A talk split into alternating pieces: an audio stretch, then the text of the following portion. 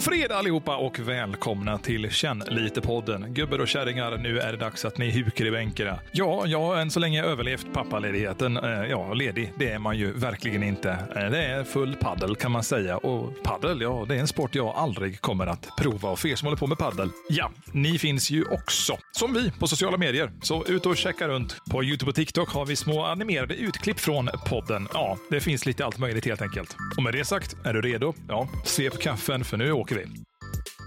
Går det inte så går det i alla fall förr eller senare. Går det inte så går det till slut. Det är Ja, men det är det som är hemligheten. saker man inte vill höra från sina föräldrar. Nej, men lite livsfilosofi där. Allting som, eh, allting som någonsin går igenom en process eh, och alla stora grejer som misslyckas, de misslyckas inte för att de inte är bra, utan de misslyckas för att de inte ses hela vägen igenom. Eh, Och det kan vara Ja. skitbra, det kan bli och ha potential att bli faktiskt som helst, men eh, eh, nej. Nej, men det verkar ju det. Ofta så verkar det som att det är just vid um, vändpunkten som det är som tuffast. Det släpper det. Ja, ja, absolut. Och då måste man vara villig att bita i. Det är ju det. Det är där man antingen eh, kämpar igenom eller ja. Sen den andra sorgliga sanningen då, som kanske kommer efteråt, som inte lika många vet, det är det att det är inte en sån vändpunkt, utan det är många sådana vändpunkter hela tiden. När du ska vara eh, lyck lyckad med någonting så kommer du ha vändpunkter hela tiden. Jag har ju perioder när det inte händer någonting, när jag sitter fast, jag kan inte få ut videos och det är bara låser, låser, låser. Och så kommer en period när det släpper efter och då kan man köra. Men jag skulle aldrig offra mig och göra den här typen av stjärtslicks-content som vi kallar det, som alla andra gör. Det ska bara ah, ska följa med i trenderna och det ska vara så jävla finredigerat efter vad andra gör. Alltså, men det är ingen som är unik då. Det är som takoyaki. Man vänder lite på den och så är det lite bläckfiskmums i. Det är fan-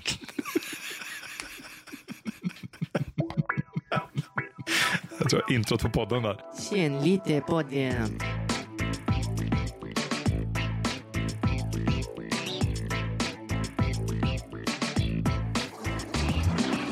För jag fattar inte hur fan vi lyckas med det, men det finns liksom en tydlig kronologi på någon vänster då i hur Det är, det är lite komposthög över det liksom. Vi, vi matar på men någonstans så är det ändå samma, samma skit. Det blir så symboliskt när du säger det, för att det var precis det jag pratade om i förra avsnittet också, det här med hur min morfar sa att man ska liksom hålla tillbaka på orden, som man bara säger de viktiga sakerna, och jag å andra sidan tycker att man borde bara prata, så får man ur sig allting med all sannolikhet förr eller senare.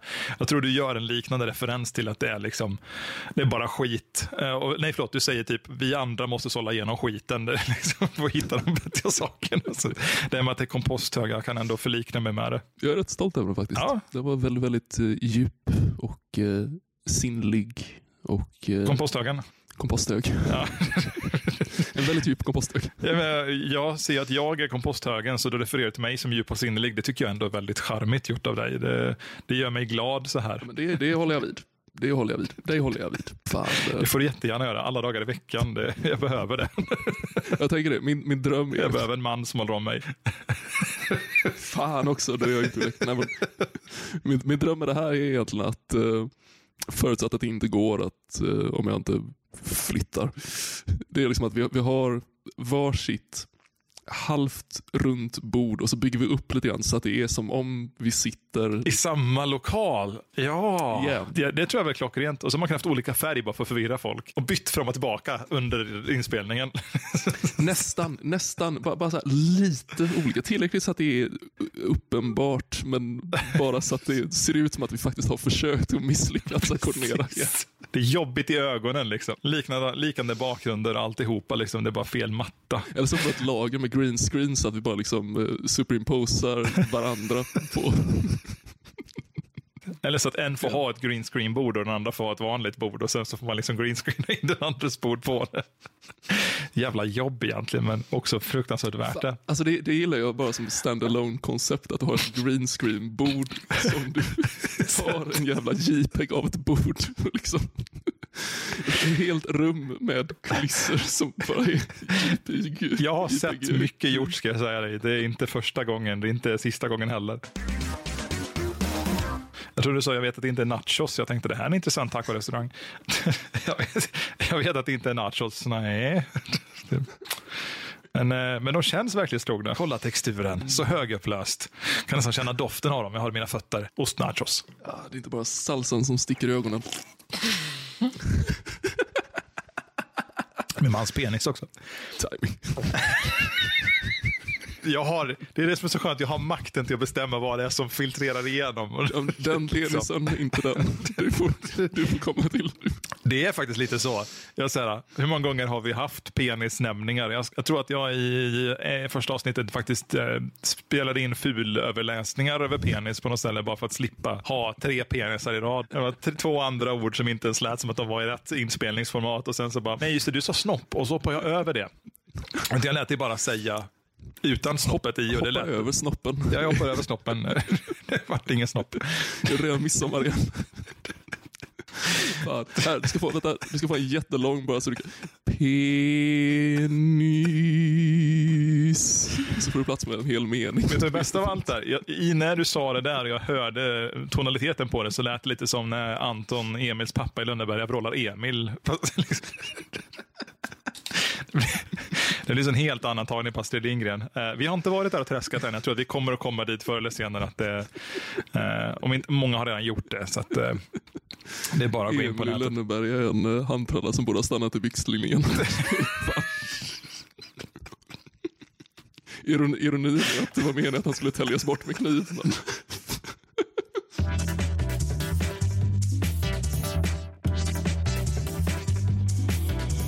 Jag har inga problem att säga och bajs och liksom hur det ena änden och den andra. Öppet så det. här. Ja, men, du bara, nämen. Två personer i en instängd kanal, hur vågar han? Vardagsspråk. Nej, men jag har liksom inga bekymmer med Tvångs, det. tvångsvårda språk. Sätt dig i koppel och dra inom stadsparken för att se hur mycket folk som tittar på den. Ja, du är ute och går med ditt vårdade språk, säger jag. Basilika. Ah, han bits, han bits.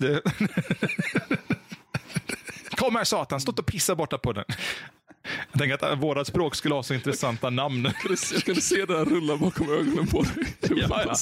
ja, ja. Jag har en väldigt färdig fantasibild av den här stadsparken. Det är liksom en vision av både Central Park och Örebro samtidigt. Så det är lite deprimerande men också lite häftigt. Förstår du jag menar? Att det är liksom det, I huvudet så känns det som Central Park, men det är bara liksom stadsparken i Örebro. Så det, Det är bara i huvudet. Så du vaknar upp i en gränd.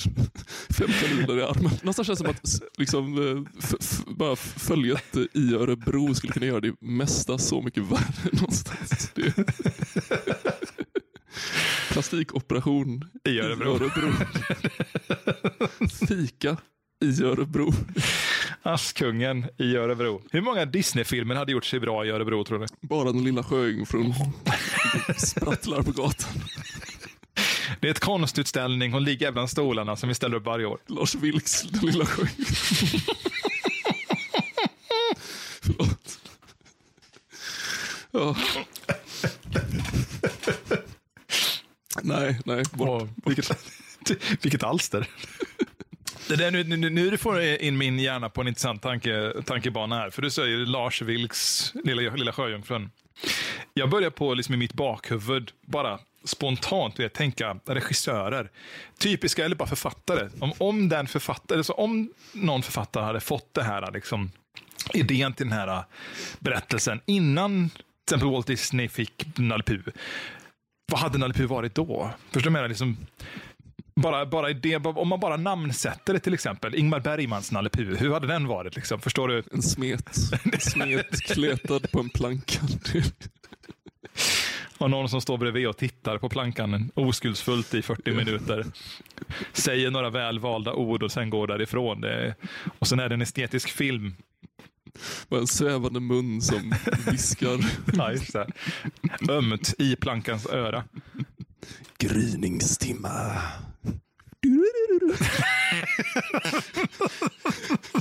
In som en stillbild på den där lilla kleten som ligger där.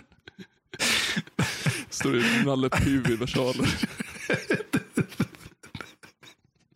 Åh, det är så avskalad och naken bild på något vis. Med den här liksom, försöker du liksom rötig planka som man har hittat på stranden. Som någon bara har karvat i och sen liksom målat med gul färg i karvningen.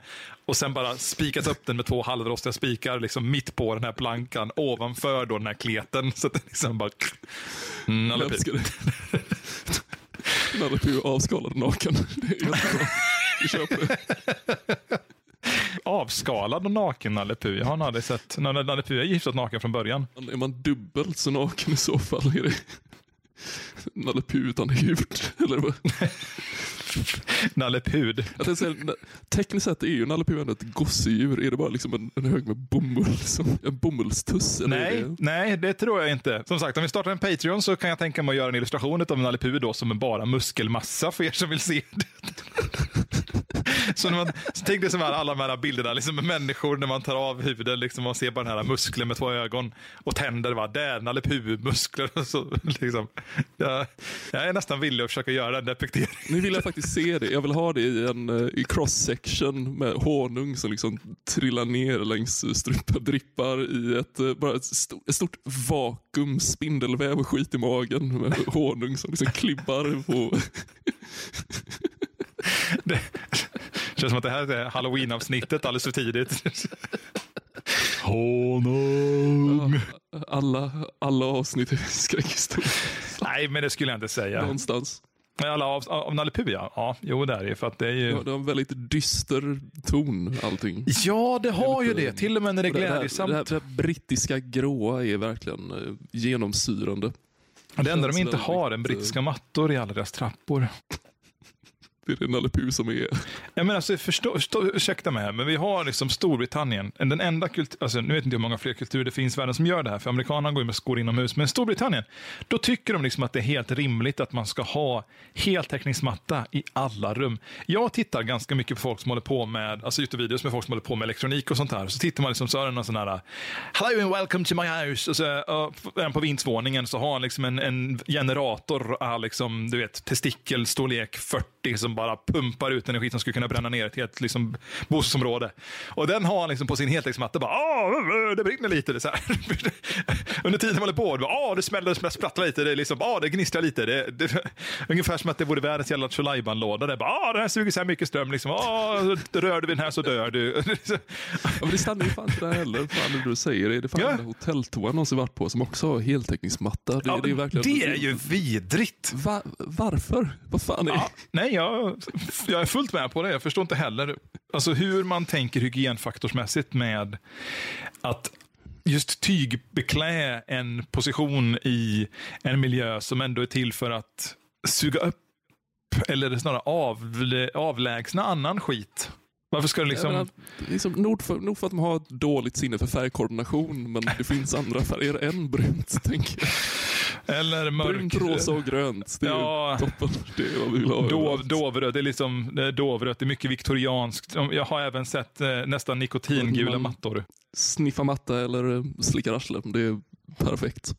Jag vet inte vilket jag skulle välja. Döden alla dagar i veckan. Ja, ja visserligen. Nej, men, eh, alltså slicka, om du fick välja att slicka ett arsle eller slicka en matta som har varit, liksom heltäckningsmattan inne på en toalett i Storbritannien. Oh, arsle. arsle. ja, alla dagar i veckan. Det har inte ens varit en fråga om saken. För jag, jag hade ju kunnat haft den här tandborsten med dusch. Jag menar, det behöver inte ens vara en smutsig heltäckningsmatta. Det räcker med en vanlig jävla rya som har legat på vinden i ett halvår. Är Fan. Nej, det hade jag tagit igen faktiskt. Det är mer proteiner i den. Det vet fan förstås. Nej, men jag tänker alla kvalster och sånt som har samlats upp där uppe. Det hade ju ändå liksom kunnat blivit en liten Nobelmiddag för tandköttet.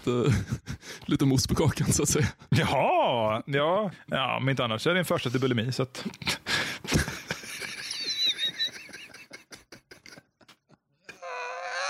ångesten, ångesten. Det är nästan Bergmanska ångesten som kommer Bara sig.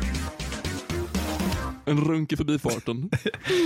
Det har aldrig fan lyckats dra en runk i förbifarten. Det känns som att det är ett moment man måste stanna till för och ta sig an. Som en liten... Nej, vi ska stanna bilen här och så bara gå in och kolla på det trädet i skogen. Sen kommer vi tillbaka ut och åker hela vägen till farmor. Det förstår den. säga det. Det är, Lite så det är inte mycket nerrullningsbara bakrutor längre. Då får man ligga upp och ner i skuffen och imitera en, en billig bokhylla. Ja, och det, det känns som att då kommer den andra familjen på en. I synnerhet om man är förare i bilen där det är så jävla påtagligt vad pappa är för någonstans. Vad ska han göra? Han ska bara ta en kopp kaffe i skuffen. Så, Nej, jag tror inte vilken termos han använder. Barnsäte. Vi behöver inget jävla barnsäte. 1980 tillbaka tiden, alltså det är rakt upp och ner. Fan. Bilbälte. Farsan är redan utrustad med bilbälte ska du veta. Det- Jajamensan, det är gråser slangen man. Det är bara att vira runt axeln. Ja, ser gras. Den, den eh, naturliga lavemangsslangen. Det beror nästan lite på hur mycket tryck det är. För att, men, om, om du hade gått på en ordentlig studentfil, alltså, jag tänker så här, du vet sjöslag, när man köper ett gäng studenter, liksom en hel jävla här studenter på en eh, färja, och så den ackumulerade mängden dryck som tas in under den sträckan och som sen pissas, den skulle väl kanske vara nödvändig för att kunna åstadkomma ett lavemang, tänker jag. Ja, fast i så fall hade vi behövt någonting annat att eh, driva skeppet med. Det är kanske det de gör. Jag tror det. Jag tror det. Det, det, är, den, det är den samlade... De bara kopplar, frikopplar och sen så har de bara rören från avloppen rakt ner i turbinen. Så det är liksom bara studentkiss som Strålkraft. Är du rädd för strålning från kärnkraften? Nej, jag är rädd för strålkrafter från kärningen. för det blir ju lite det. Om, om pisset ska liksom rotera ner här där så blir det ju liksom att man nästan tjänar pisset som man tjänar mjölk. Förstår man att det, förr eller senare så blir det smör. Eller finns det ens bärighet i kiss för att bli smör? Dubbelsmörad. Just det. Så var det. Så. Dubbelsmörat kiss. Bajsar lite också. Nej, men det, kan, det, det kanske kan vara en intressant... Eh, om, man, om man vill vara lite... Tänk er så här, man är lite lantlig va? Man vill ha lite gosegos med frugan och så kommer man in i sovrummet och bara... Tjena älskling, jag är dubbelsmörad ikväll. Hur du menar? Det, Bredda andra sidan också. Ja, men både över och under va? Spelar ingen roll vilken som går in först. Båda glider lika bra. Jag får bilder så det jävla... Jävla makrill som... Rödspätta som hänger och.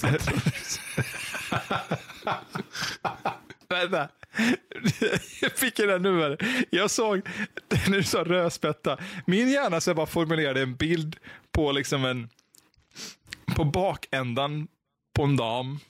En mindre vacker sådan, du vet, en ja, skavankad. Jag vet. Och, hur, Ja. no- och hur, liksom, hur i bild det bara sänks ner en rödspätta. Så här, liksom. jag, frågar mig själv så kraftfullt, vad fan var den bilden bra för hjärnan? Varför? Det är någonting väldigt... eh, Någonting väldigt talande med. Det, det här känns som en, sen är, vet det, sen en konstinstallation. Det är så här bara, ja, röven och rödspättan.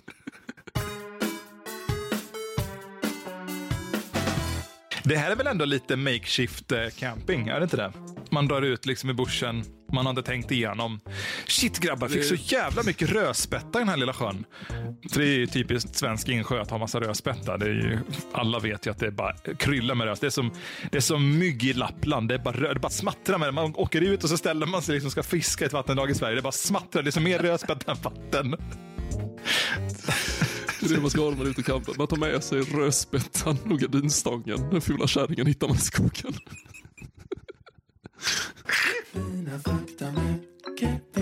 Hundar kan ju inte svettas va? Så att ett sätt att undvika att din hund lider av att den inte kan svettas, det är att aldrig ge den vatten eller mata den med fukt, utan se till att de äter torrfoder. Helst gärna så torrt det bara går. Detta anrika anus, så bedårande i mina ögons mörka vrår. Som en sol som klämtar fram på himmelen likt en påtänd ballong. Lyfter jag sakta blicken och möter hennes... Ryamatta. Och den hade jag aldrig slickat dock. Det.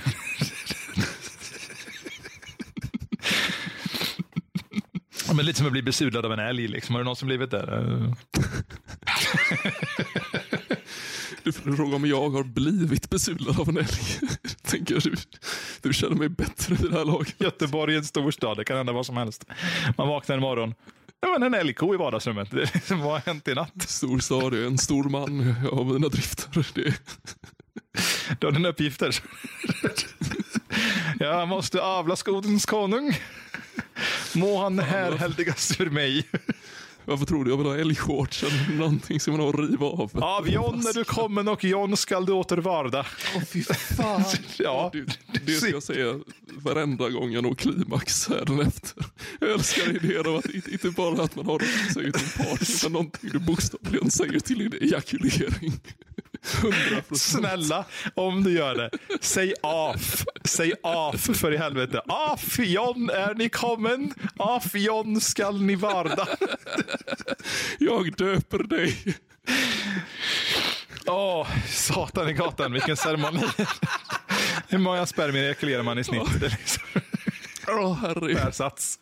Det är en jävla ceremoni. Fan, det, det här gäller du att ha tänkt igenom namnen innan. Liksom, är det sifferkombination? Är det som registreringsnummer? Liksom bara en tablå. Man går igenom. Det är det jag saknar i mitt sexliv, att få högtidligt döpa alla mina, alla mina Riddare. rygg, alla mina ryggar. Ja, fy fan. Oj, oj, oj, oj.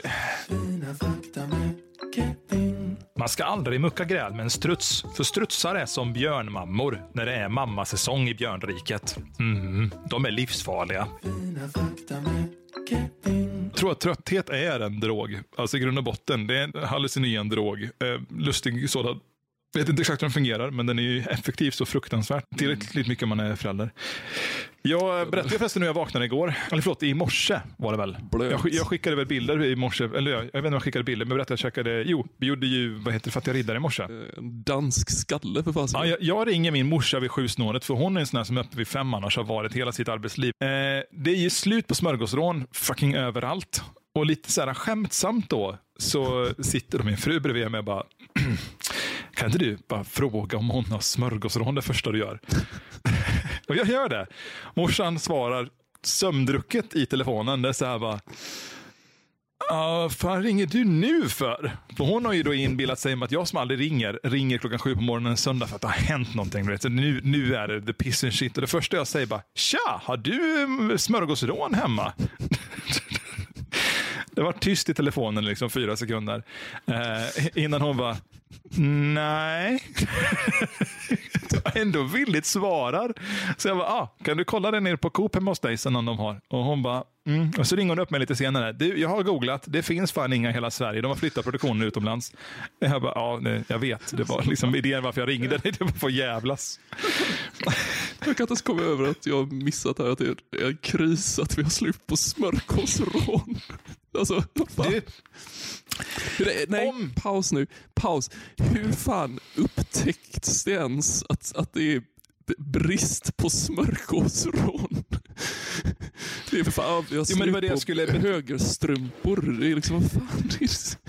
Nej, men jag ska, jag ska redogöra varför. Eh, och det här kanske är som sagt, du kommer inte att förstå det här fundamentet, men alla som just nu har barn i åldrarna, säg 0 till, eller 6 månader och uppåt, eh, säg upp till 5 års ålder, där någonstans. Så säkert fler också. Men alla föräldrar med barn 6 månader till 5 års ålder vet hur viktiga smörgåsrån är i en barns vardag. För det, det är liksom det är ett smaskigt och enkelt eh, liksom frukostbröd, you name it, bara stoppa i handen på dem. Eh, Lillkillen, han käkar ju uteslutande liksom, till frukost smörgåsrån med leverpastej. Det är ju hans favoritgrej. Så smörgåsrån i en barnfamilj, de går liksom hett. För att det är som att, de är ju wafers, va? så att när du plöter dem så blir de ju bara slem. Och så lätta att, att svälja och liksom, eh, äta ner. Så för oss som är föräldrar så är smörgåsrån pissviktigt just nu. Eh, för att det är en lätt åtkomlig, billig produkt. Eller åtminstone har varit en åtkomlig, billig produkt. Eh, nu är den helt åtkomlig, potentiellt fortfarande billig produkt. Frustrerande nog. Okej, fan, okej, jag, jag köper det Och- argumentet. ja. Fine. Men någonstans känner jag det är ju det det så att kommer är, ifrån. Det är ju fullt utbytbart. Du kan ersätta med fan liksom fentanyl. Men det var det jag gjorde. Vad som helst. Ja, men det var det jag gjorde. Jag ställde mig under fattiga riddare för jag tänkte fan han har inte käkat något gott mackis på det här. Liksom. Utan jag, jag gör lite soggiga mackor och så får han smaska på dem. Och de gick ner som smör, vilket hälften av innehållet i de mackorna var. Döma av hur mycket jag stekte dem i. Eh, Men, och då ska jag säga det, då gjorde jag det dessutom med hjärtligheten av en far efter att klockan 04.30 efter sovit i knappt tre och en halv timme blivit alltså först ett bakhuvud över näsroten. Sen vänder sig grabben om för han är fortfarande sömndrucken. Försöker resa sig upp, ta balans, skalla mig i ansiktet. Inte en, utan tre gånger innan han sen vänder sig om och tuttar. Vad fan är det här Jag- mitt jag- liv? jag. Nej, den, den poängen går fan till honom. Alltså, jag, jag lägger in ett veto här. Jag vill aldrig mer höra dig använda uttrycket jag gjorde det med hjärtligheten av en far när du pratar om att göra soggiga mackor till din son. Det är fan Det var, det var kärlek i mina soggiga mackor. paus. Paus. Det är det som gör dem soggiga förmodligen. Fan. Prova utan så får du en rostmacka som inte duga. Min kärlek är muffig och blöt. Jag vill att du ska tänka så här John. Min kärlek, om du bara så här för ett ögonblick föreställer dig att du kryper ner helt nakenfis liksom i en varm pool. Ja, jag tar det från början. Föreställ dig att du en lite kall, kul. Så här, det är 50 grader kallt ute, decemberafton. Du har varit ute och gått, och gått i simhallen och, och, det, och du kommer in på spat och det är inte en enda jävel där. Och du bara, nej men vad fan, varför ingen här? Och de bara, ah, folk kommer lite senare. Vi har precis öppnat och du bara, åh, det är som tomt. Och du vet, det är nytappat, vattnet ligger liksom alldeles skört över ytan på vissa av de här poolerna och du kryper ner i varmpoolen efter att ha liksom dragit av dina kläder och bara springer den i mässingen. Och, och du är lite full i fan också, så det är liksom ingen annan där. Så du drar av din nakenfis, låter skinkorna liksom ta tag i vattenytan och där har du liksom påbörjan av min kärlek. I stunden som du träder igenom vattnet med din kropp så är jag där och håller om dig. Som värmen som omsluter din lilla sköra, härliga människokropp nere i det bubblande vattnet. Det är liksom där. Och, och så ska det vara. Eh, och det är lite det jag försöker ge min son också, känslan av omfamning och eh, kärleksfull... Inte fan vad jag är på väg någonstans.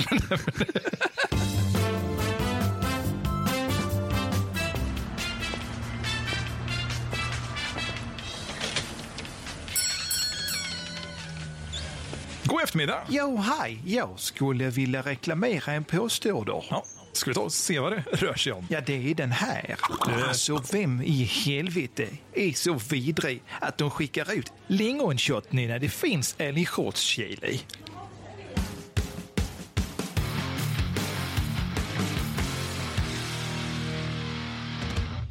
Alltså ibland, nu sitter jag helt själv här, för John är ute och botaniserar sin lägenhet efter potentiella ah, tillkortakommande medel.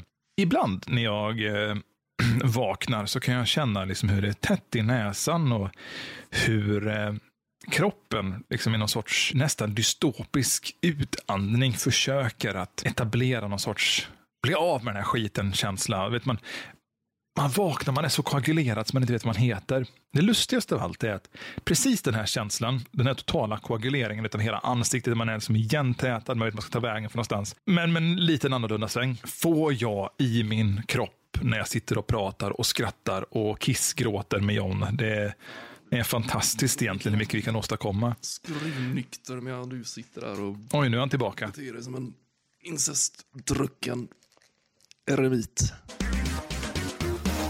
Om det är någonstans jag ska börja på leta efter sulligt söd så är det ju från och med nu när vi öppnar de bastanta babusjka-skinkorna och kryper in i det som vi kallar för himmeln utav potentiella idéer och möjligheter. Jag tänkte säga det, jag har en, eh, någonting som jag ville dra lite grann. Vi snackade med Birre förut. Jag vet inte riktigt hur fan ska jag leda in i det, men eh, Nej men äh, skit i att lira in det, bara åla rakt på. Släng det på kakan. Pappa är redo. Jag tar smisken här. helt, helt fritt från eh, någon kontext. Men det, det finns ju en liten eh, trop inom eh, komedi. Det används ju framförallt för att censurera nakenhet. När du har det här kosmiska ingreppet där det alltid är någonting som dyker upp i vägen. Ja, ja, det menar lite som de typ spelar lite hårt an på i Austin Powers till exempel. Precis, Fast det, då- det finns ja. även en variation att du har det, liksom att det, det är någonting som du försöker se men som du bara inte kan se för att det alltid är någonting som Täcker det. dyker upp emellan. Liksom. Ja, ja, Ja, ja. det- Och jag, någonstans så växte fram idén där att det hade varit så jävla kul att göra det som ett, som ett praktiskt skämt mot någon. Jag försöker utveckla det. Av, det svåraste avskyla någon i bakgrunden utan att de får se det. eller? Ja, men fasiken, jag tänkte att du sätter upp liksom en, en massiv produktion i hemlighet. Där du, det är svårt att hitta rätt premiss, men jag tänker att du, du kan komma på allting om det. Att du placerar objekt framför dig, personer som kommer in. Du har action stunts som uh, inträffar. Allting bara för att liksom dölja en specifik sak som man inte riktigt kan komma på vad som är en rimlig premiss för det bara. Okej, bara så jag förstår här nu. Så att vi har liksom en person som gör sina dagliga allt-i-allo-grejer, eller? Och sen så bara sker det här runt omkring dem för att hin- förhindra dem från att fullständigt ta del av vad då? Det är precis det som jag försöker komma fram till. Ah. Vad, vad ska man kunna använda som, eh, som en premiss? För det måste ju vara någonting, det är någonting som du kan kontrollera. Du vill ha någonting där du kan uppmana personen att göra någonting. Jag, jag tänker exempelvis... Eh, Köpa en bussbiljett ta det som exempel. Nej, men alltså det, Det, det, det, det gör man ju i telefon. Det är det som är problemet. Ja, nu för tiden, ja. De flesta Ja. sakerna gör man ju i sin jävla telefon. Foto i en fotoautomat. Där har du, alltså, det tänker jag, du vet, man tar körkortsbilder, va? Här fotoautomatsbilder. Det finns ju folk som tar sådana. Det använder folk fotoautomater till fortfarande, för du får ju liksom inte skicka in dina egna... Nej, men du, du, nu tror jag att du kan ha satt någonting där. Man, man ber någon ta, ta ditt porträtt. Du ber någon Ja, ta ja. Du, du, du åker in i stan och så väljer du något, eh, något monument, Ja! något turistigt, där du får lite distans till personen. Tänker jag, någon Ja, staty eller någonting, så att du vill ha liksom lite avstånd. Och sedan så kan du bara slå igång alla de här bisarra företeelserna som gör att du inte kan ta ditt jävla porträtt. Det börjar med att någon kommer förbigående med en planka liksom, precis i ansiktshöjd på dig under tiden som de ska fota. De får liksom vänta. Precis då efter så kommer en busslast bakom dig liksom med 40 japanska turister som bara väller ut och börjar fylla arenan framför dig. Och nu står ju du... Som Ja, liksom... precis. Precis i samband med att de har klivit ut och de börjar på få blixtarna smäller höger vänster personen får liksom stå och avvakta. Med. Förstår ju liksom att du vill inte ha japanerna med i bild. Precis då så bara lyfter alla blicken och så kommer ett Concorde-plan som bara dånar över, släpper sådär flyerblad. Va? Hela liksom gatan ner, det är bara text med flyerblad med typ något, något helt oviktigt som typ Kom och käka kanelbullar på Pressbyrån. Det är, liksom, det är bara hela... Jag har en grej som jag verkligen, verkligen vill göra. Det är en, eh, en sann historia från min barndom. Vi, eh, vi var i Visby. De har ju de här väldigt eh, fina, trånga gatorna. Ja, precis. Som du har där vi satt och åt glass. Och så sa min far plötsligt Titta, där kommer en elefant. Okej. Och så gjorde det det. Va? Nej. På mitt på gågatan i Visby under hela cirkusen varit där. Det är en sån grej hade varit så jävla Ah. roligt. Ta, jag tänkte giraffer, om man kunde få tag i giraffer. Ja, de är ju också perfekta ändamål till att liksom störa ut bilden med. Och då blir det extra jobbigt för personen som ska ta bilden, för att då har de ju hela premissen om de här sakerna som är väldigt spektakulär om man vill ha med på bild, men det är också inte det personen som man vill ta, få bilden tagen efterfrågat. Det, det finns ett moment två här som måste efterfrågas, eller som eftersträvas hela tiden. Det är att den här personen kommer ju då kanske förr eller senare känna, nej men shit, jag kan ju inte ta den här bilden och försöka återlämna kameran. Då måste det finnas något som förhindrar att de kan komma fram till personen och lämna tillbaka kameran också. Förstår du vad jag menar? Att Den här personen antingen, liksom det, de blir, blir liksom bortrövade av ett, ett ufo eller vad fan som helst. Att liksom det bara spårar helt fullständigt. Och sen så, Belöningen blir verkligen att man... så, det, så är, kommer, kommer någon liksom, ja, men du tänkte den va? De blir, bortspl- någon blir liksom uppsugen av ett ufo eller vad fan, de får kanske ha sel eller någonting för att det ska kunna se ut som det. Vi kan iscensätta det. Ja, det. precis. Och sen sekunden det händer, eller som, som de blir uppsugna och försvinner, börjar på rör sig bortåt, så kommer liksom någon i så här, typ Man in Black-kläder och bara fångar den här personen med kameran. Bara, Shit, du måste följa med oss. Du har ju deras enda, liksom det, all deras vikt, bevismaterial och det som är dem liksom, finns på den här kameran. Shh, följ med oss. Liksom. Vi konfiskerar, nej, de får inte konfiskera den, för det är så, vi kan inte ta på den, för det är liksom bara mänskligt, vi är inte mänskliga. Kissipiss och sånt där. Alltså, sticker de iväg. Förstår du vad att det hur förvirrad skulle man kunna göra en människa? Alltså, skulle den här människan bli paranoid för alltid efter en sån eh, händelse? Eller skulle de förstå att det var liksom så plojigt för att det är för mycket? Alltså, vad, är en graden av, fråga. vad är graden av för mycket innan det blir påtagligt att det här, nej, det här måste vara liksom iscensatt Hollywood? Alltså, Eller- jag säga, det, beror, det beror ju på hur, eh, hur kufiskt vi gör det. Men Ja. det sagt, jag tror att mycket av det beror nog på sättningen. Om man kan synka det, antingen om man gör det på liksom någon, någon Solnedgång. form av... tänkte, jag tänkte säga mässa eller eh, Jaha, något, det liksom- hållet. Någon fes, festival eller Man förväntar sig att det ska vara man, lite där man flummigt, ja. sänker lite, precis. Du sänker eh, dina... Solnedgång under en mässa. Det är så här, vet, alla säger att det är bästa tillfället på tid på dygnet att ta bilden och sen så blir den aldrig bara tagen. Undrar om man skulle kunna få den här personen att följa med liksom så här, jorden runt på 80 dagar resa med de här liksom FBI eller låtsas FBI Nissan eller vad det nu är. Eh, Man in Black, whatever the fuck det är. Eh, bara få återlämna kameran till personen som de skulle ha fotat. Tror att det är, liksom, är det rimligt? Skulle man kunna få dem att följa med? Så för jag tänker att med rätt psykedelisk liksom input så skulle man ju kunna antagligen manipulera dem till någon sorts Stockholmssyndrom så att de blint bara jaha, jag är sändebudet, jag är viktig, jag måste göra det här, det är mitt uppdrag i livet. Och sen? Ja, men nå- nå- någonstans tror jag ändå att eh, de flesta människor hade nog blivit, om, om man lyckas hålla balansen i det någorlunda, så tror jag att man, man kommer till en grad där man blir så frustrerad att man, att man, eh, Bryter ihop. man, nej, men att man dubblar på sitt... Eh, Engagemang. Ja. Jag menar att man blir är liksom, extra okej, men hårdsvuren nu, vid nu, har jag, nu, nu är jag investerad, nu är jag investerad i det här, nu måste jag fullborda det. Liksom. Är inte det lite fant... Jag menar, jag... Kommer man till den bristningsgränsen så kan man säkert tänja lite, lite mer tror Ja, jag. det- nej, nej. Kommer, du, kommer du till den bristningsgränsen, då har du nästan nått den här nivån av vad vi kallar för moksha. Den här indiska idén om att du uppstår, eller uppnår till Gud, att du liksom blir en del av evigheten. Att har man nått den nivån mentalt som person, för att man blivit utsatt av tillräckligt mycket press, då tror jag att man i princip skulle kunna bli pressad hur långt som helst. För att då har man liksom lite gett upp. Du vet, förstår, ens egna barriärer är borta. De blir mer och mer utsuddade för varje minut som går. För man försöker att liksom vara den här övermänniskan av sig själv. Så förr eller senare så blir man bara liksom superhjälte. Under press. Oh, det, det kanske är ett sätt att uh, kringgå dem. eh, istället för att man har någon som bara vill liksom, ta ett foto, att man, att man väljer ut någon eh, kameraman som är involverad i liksom, journalistik. Att man, man verkligen, för då kan man ju sätta upp det som ett uppdrag också. Då, då kan man ju garantera att de är där och man kan ge dem ett mål. Någonting kan man göra- att fokusera då- på. Då kan det vara en skådespelare som ska ta bilden också, så blir det ännu mer liksom, jag menar att det är liksom någon de känner igen och bara shit, ja det är klart som fan jag ska ta Dolly Partons bilder. Lever hon fortfarande? Skitsamma, det spelar ingen roll. Det är som att det blir liksom som ett livsuppdrag för dem. Nu ska de uppföra den här, för att de kommer de bli ihågkomna av den här personen. Det är ju lite viktigt för dem.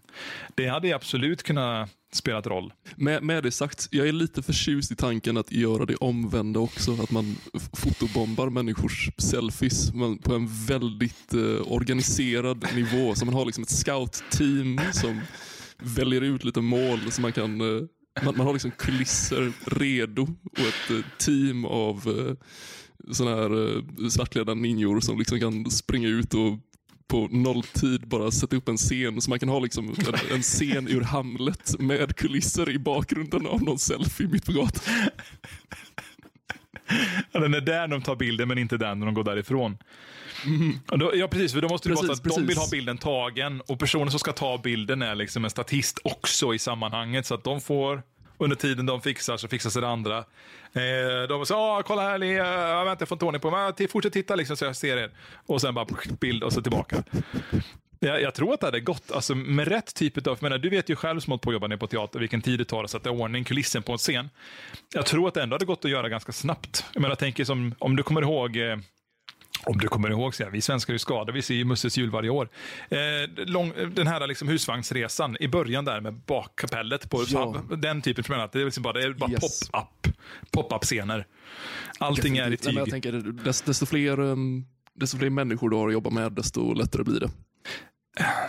Definitivt. En av få gånger det faktiskt stämmer. team av liksom, Ja, men, är inte det fantastiskt? 40 pers eller så. Fest, festi, festivaler och teatersammansättningar, det är enda gången det är bra att ha många människor omkring sig. Så fort du har många människor på ett kontor, då vill du bara slå ihjäl dem. Liksom... Jag känner att jag blev tråkigare av alkohol. Det känner jag också. Fan, jag, jag står inte ut med dig. Det är Nej, jag borde gå och hänga mig. vidrigt. Ja, för fan.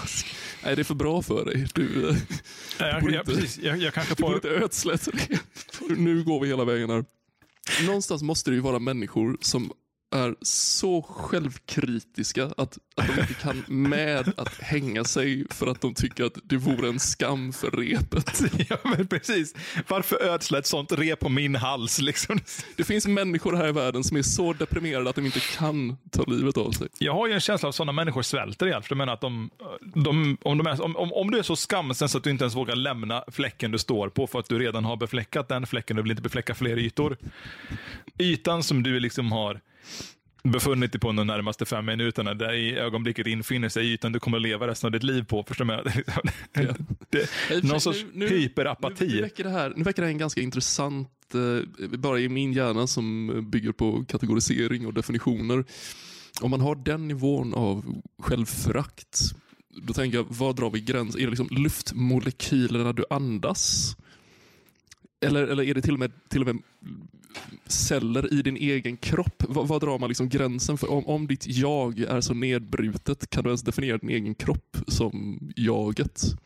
Jag tänker, kan, kan man vara så full av självförakt att man liksom faktiskt skapar en hälsosam träningsregim bara för att man eh, känner att man är en skam mot sin egna kropp? Liksom. Jag blir ju mer lite så här, eh, kan man avsky sig själv så mycket så att man ifrånstöter sig själv sin egen hud? Jag Definitivt. bara liksom förstår mig rätt. Förstår mig rätt. Teor- Teorin om att om jag hatar mig själv till mycket så börjar jag på liksom bara ömsa till ingenting. Muskler faller av, benen, allting bara rinner av min kropp.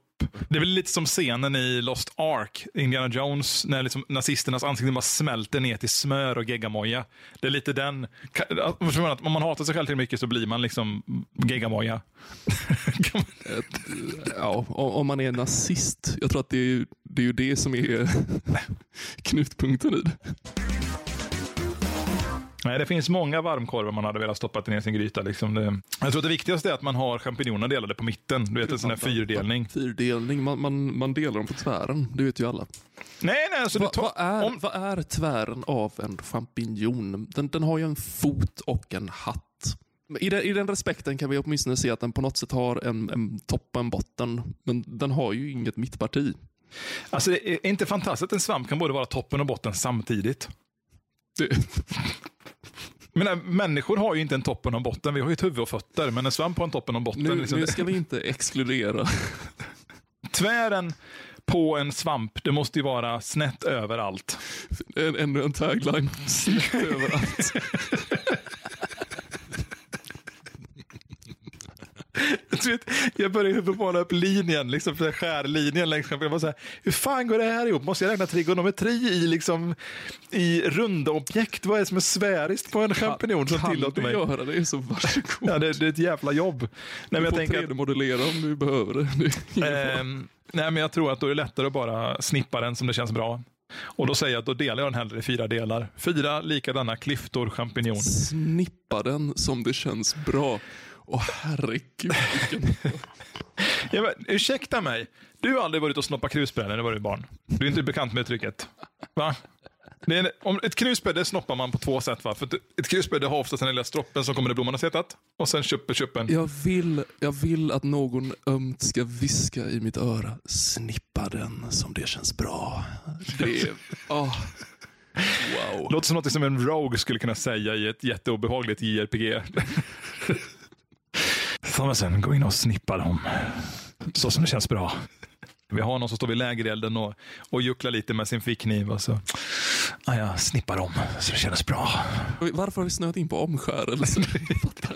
Vi har ju träffat high och low tycker vi lite i den här podden redan. Så jag tror att vi försöker bara göra nedskärningar överlag och då börjar vi där det inte spelar någon roll. Jag tänkte säga det, det är ett begrepp som jag inte riktigt förstår. Om man är omskuren, varför, varför ska man inte rätt i första hand? Det var... finns, det, finns det liksom något, du vet man, man tänker, som om du liksom toppar håret, liksom. vi börjar med en halv centimeter och så ser vi hur det känns. Liksom. Nej, men jag, jag tänker så här, omskärelse sker ju ändå i kulturer där man har ganska bra ställt ekonomiskt.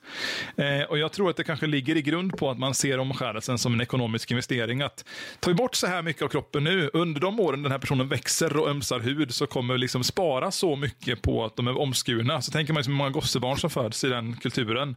Så kan man se liksom att man tjänar liksom kanske ett par lapp liksom totalt över en hel by.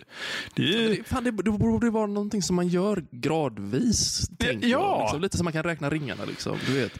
Fan, Fan, räkna ringarna. och sedan så växer det ihop igen. Så Vilken urstam du har, farfar. Vilken, då, då är ju verkligen ordet stock rätt i sammanhanget. oj, oj, oj. He brought some lumber to the party. What a, what a stock. Farfars långstockings. S- Snacka om starka nypor.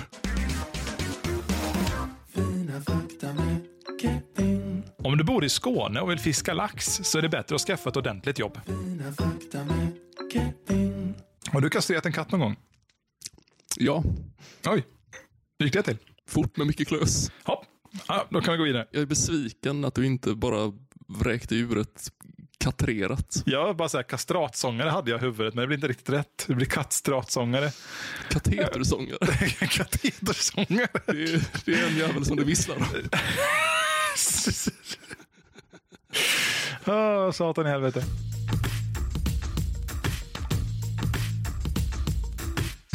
lite småroligt för att precis innan vi började på att köra igång idag satt jag på toaletten och tänkte så här, ja men kateter, det kan vara kul att prata om. Nej, vi pratade om stomipåsar förra, vi skiter i det. Vi stund... Och sen har du ändå liksom snöat in på kateter här av slumpen via kattklådning. Eh, det, det, det faller sig ändå ganska naturligt. Eh, Billy Bokylla satt på Sibylla, lät magen sin fylla och tungan förgylla med smaker som Sibylla gett Billy Bokhylla. Denna dikt mig förbrylla. ja, det är sant. Det är sant. Visste du att sköldpaddor inte kan ha sex i en torktumlare?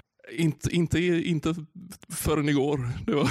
Precis som när jag kastrerade min katt det var, det var lite hårt först, men sen kom man till det mjuka vänta, vänta.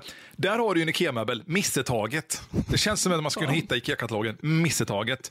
Det är alltså en, en kattsandslåda jag tror att det är, alltså, det är så enkelt att det är liksom en kattsanslåda med lite för låg kant. Så att den, inte, den är inte jätteanvändbar heller. Utan det är som en produkt som har misslyckats och var det den ska vara.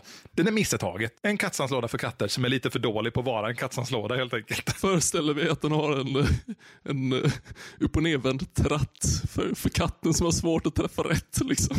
Ja, som sitter på en sån där konstig plastbåge som man kan frimontera över. Liksom, så katten får ställa sig som en ko som mjölkas liksom, in i lagården. hoppas att träffa rätt. Jobbet när det är en honkatt. Ja. Ja, man får ha stjärttratt också. Ja, precis. Återvänder den här härliga eh, censurshowen som vi hade i avsnitt tre. De har dubbla eh. Men det, den var ganska bra. Jag gillar den. Missetaget. En, en, lite, en lite bortkastad kattlåda helt enkelt. Det var en varm torsdag nere i eh, Jerusalem. Eller ja, jo, det var det. Absolut, det var Jerusalem. Jesus hade precis oljat sina mockasiner med sån här härlig snake oil då, som han var duktig på att sälja där nere. Det var ju lite hans eh, sidokräng som han tjänade pengar på. Så han fick in pengar så att han kunde köpa då all de här lyxiga shibatan och de här goda oliverna sen som han bjöd alla på. För att alla vet att han var ju inte så magisk egentligen. Jesus var bara jävligt duktig John Lavero på sin tid. Eh, just den här dagen så skulle han ut och fiska. Och han hade väl du vet, förberett sig lite med att det här kommer vi göra grabbar. De hade skaffat en frigolitplatta som de hade då tejpat fast under båtens köl mot bakändan så att Jesus skulle kunna stå bakom båten när de väl hade börjat för att härsamma den här illusionen om att nu, nu är Jesus stående på vattnet, han kan med fiska stående på att det måste vara Guds son. Ehm, det som hände var då att frigolitplattan tyvärr i all uppståt hade förlist. Den hade släppt ifrån båten. för att det fanns ju inte egentligen några bra lim på den här tiden. Man använde potatismjöl och potatis och du vet ju själv liksom att det håller bara så länge innan stärkelsen från potatis i vatten då ger sig specifikt. Det skulle liksom torka och härda på land och så. Så man har kört ner båten med frigolitbiten och Jesus och sen så stöter de på en naken kvinna som ligger och guppar på vattenytan. Hon heter Åsa. Åsa är där och simmar med fiskmåsar. Hon har liksom tränat på det här i 40 år. Hon är iklädd en sån här haj... Fan, är, du, är du redo för en återkoppling? Jag, jag tror att jag just lyckades undermedvetet manipulera dig till att skapa det perfekta telefonsvaret.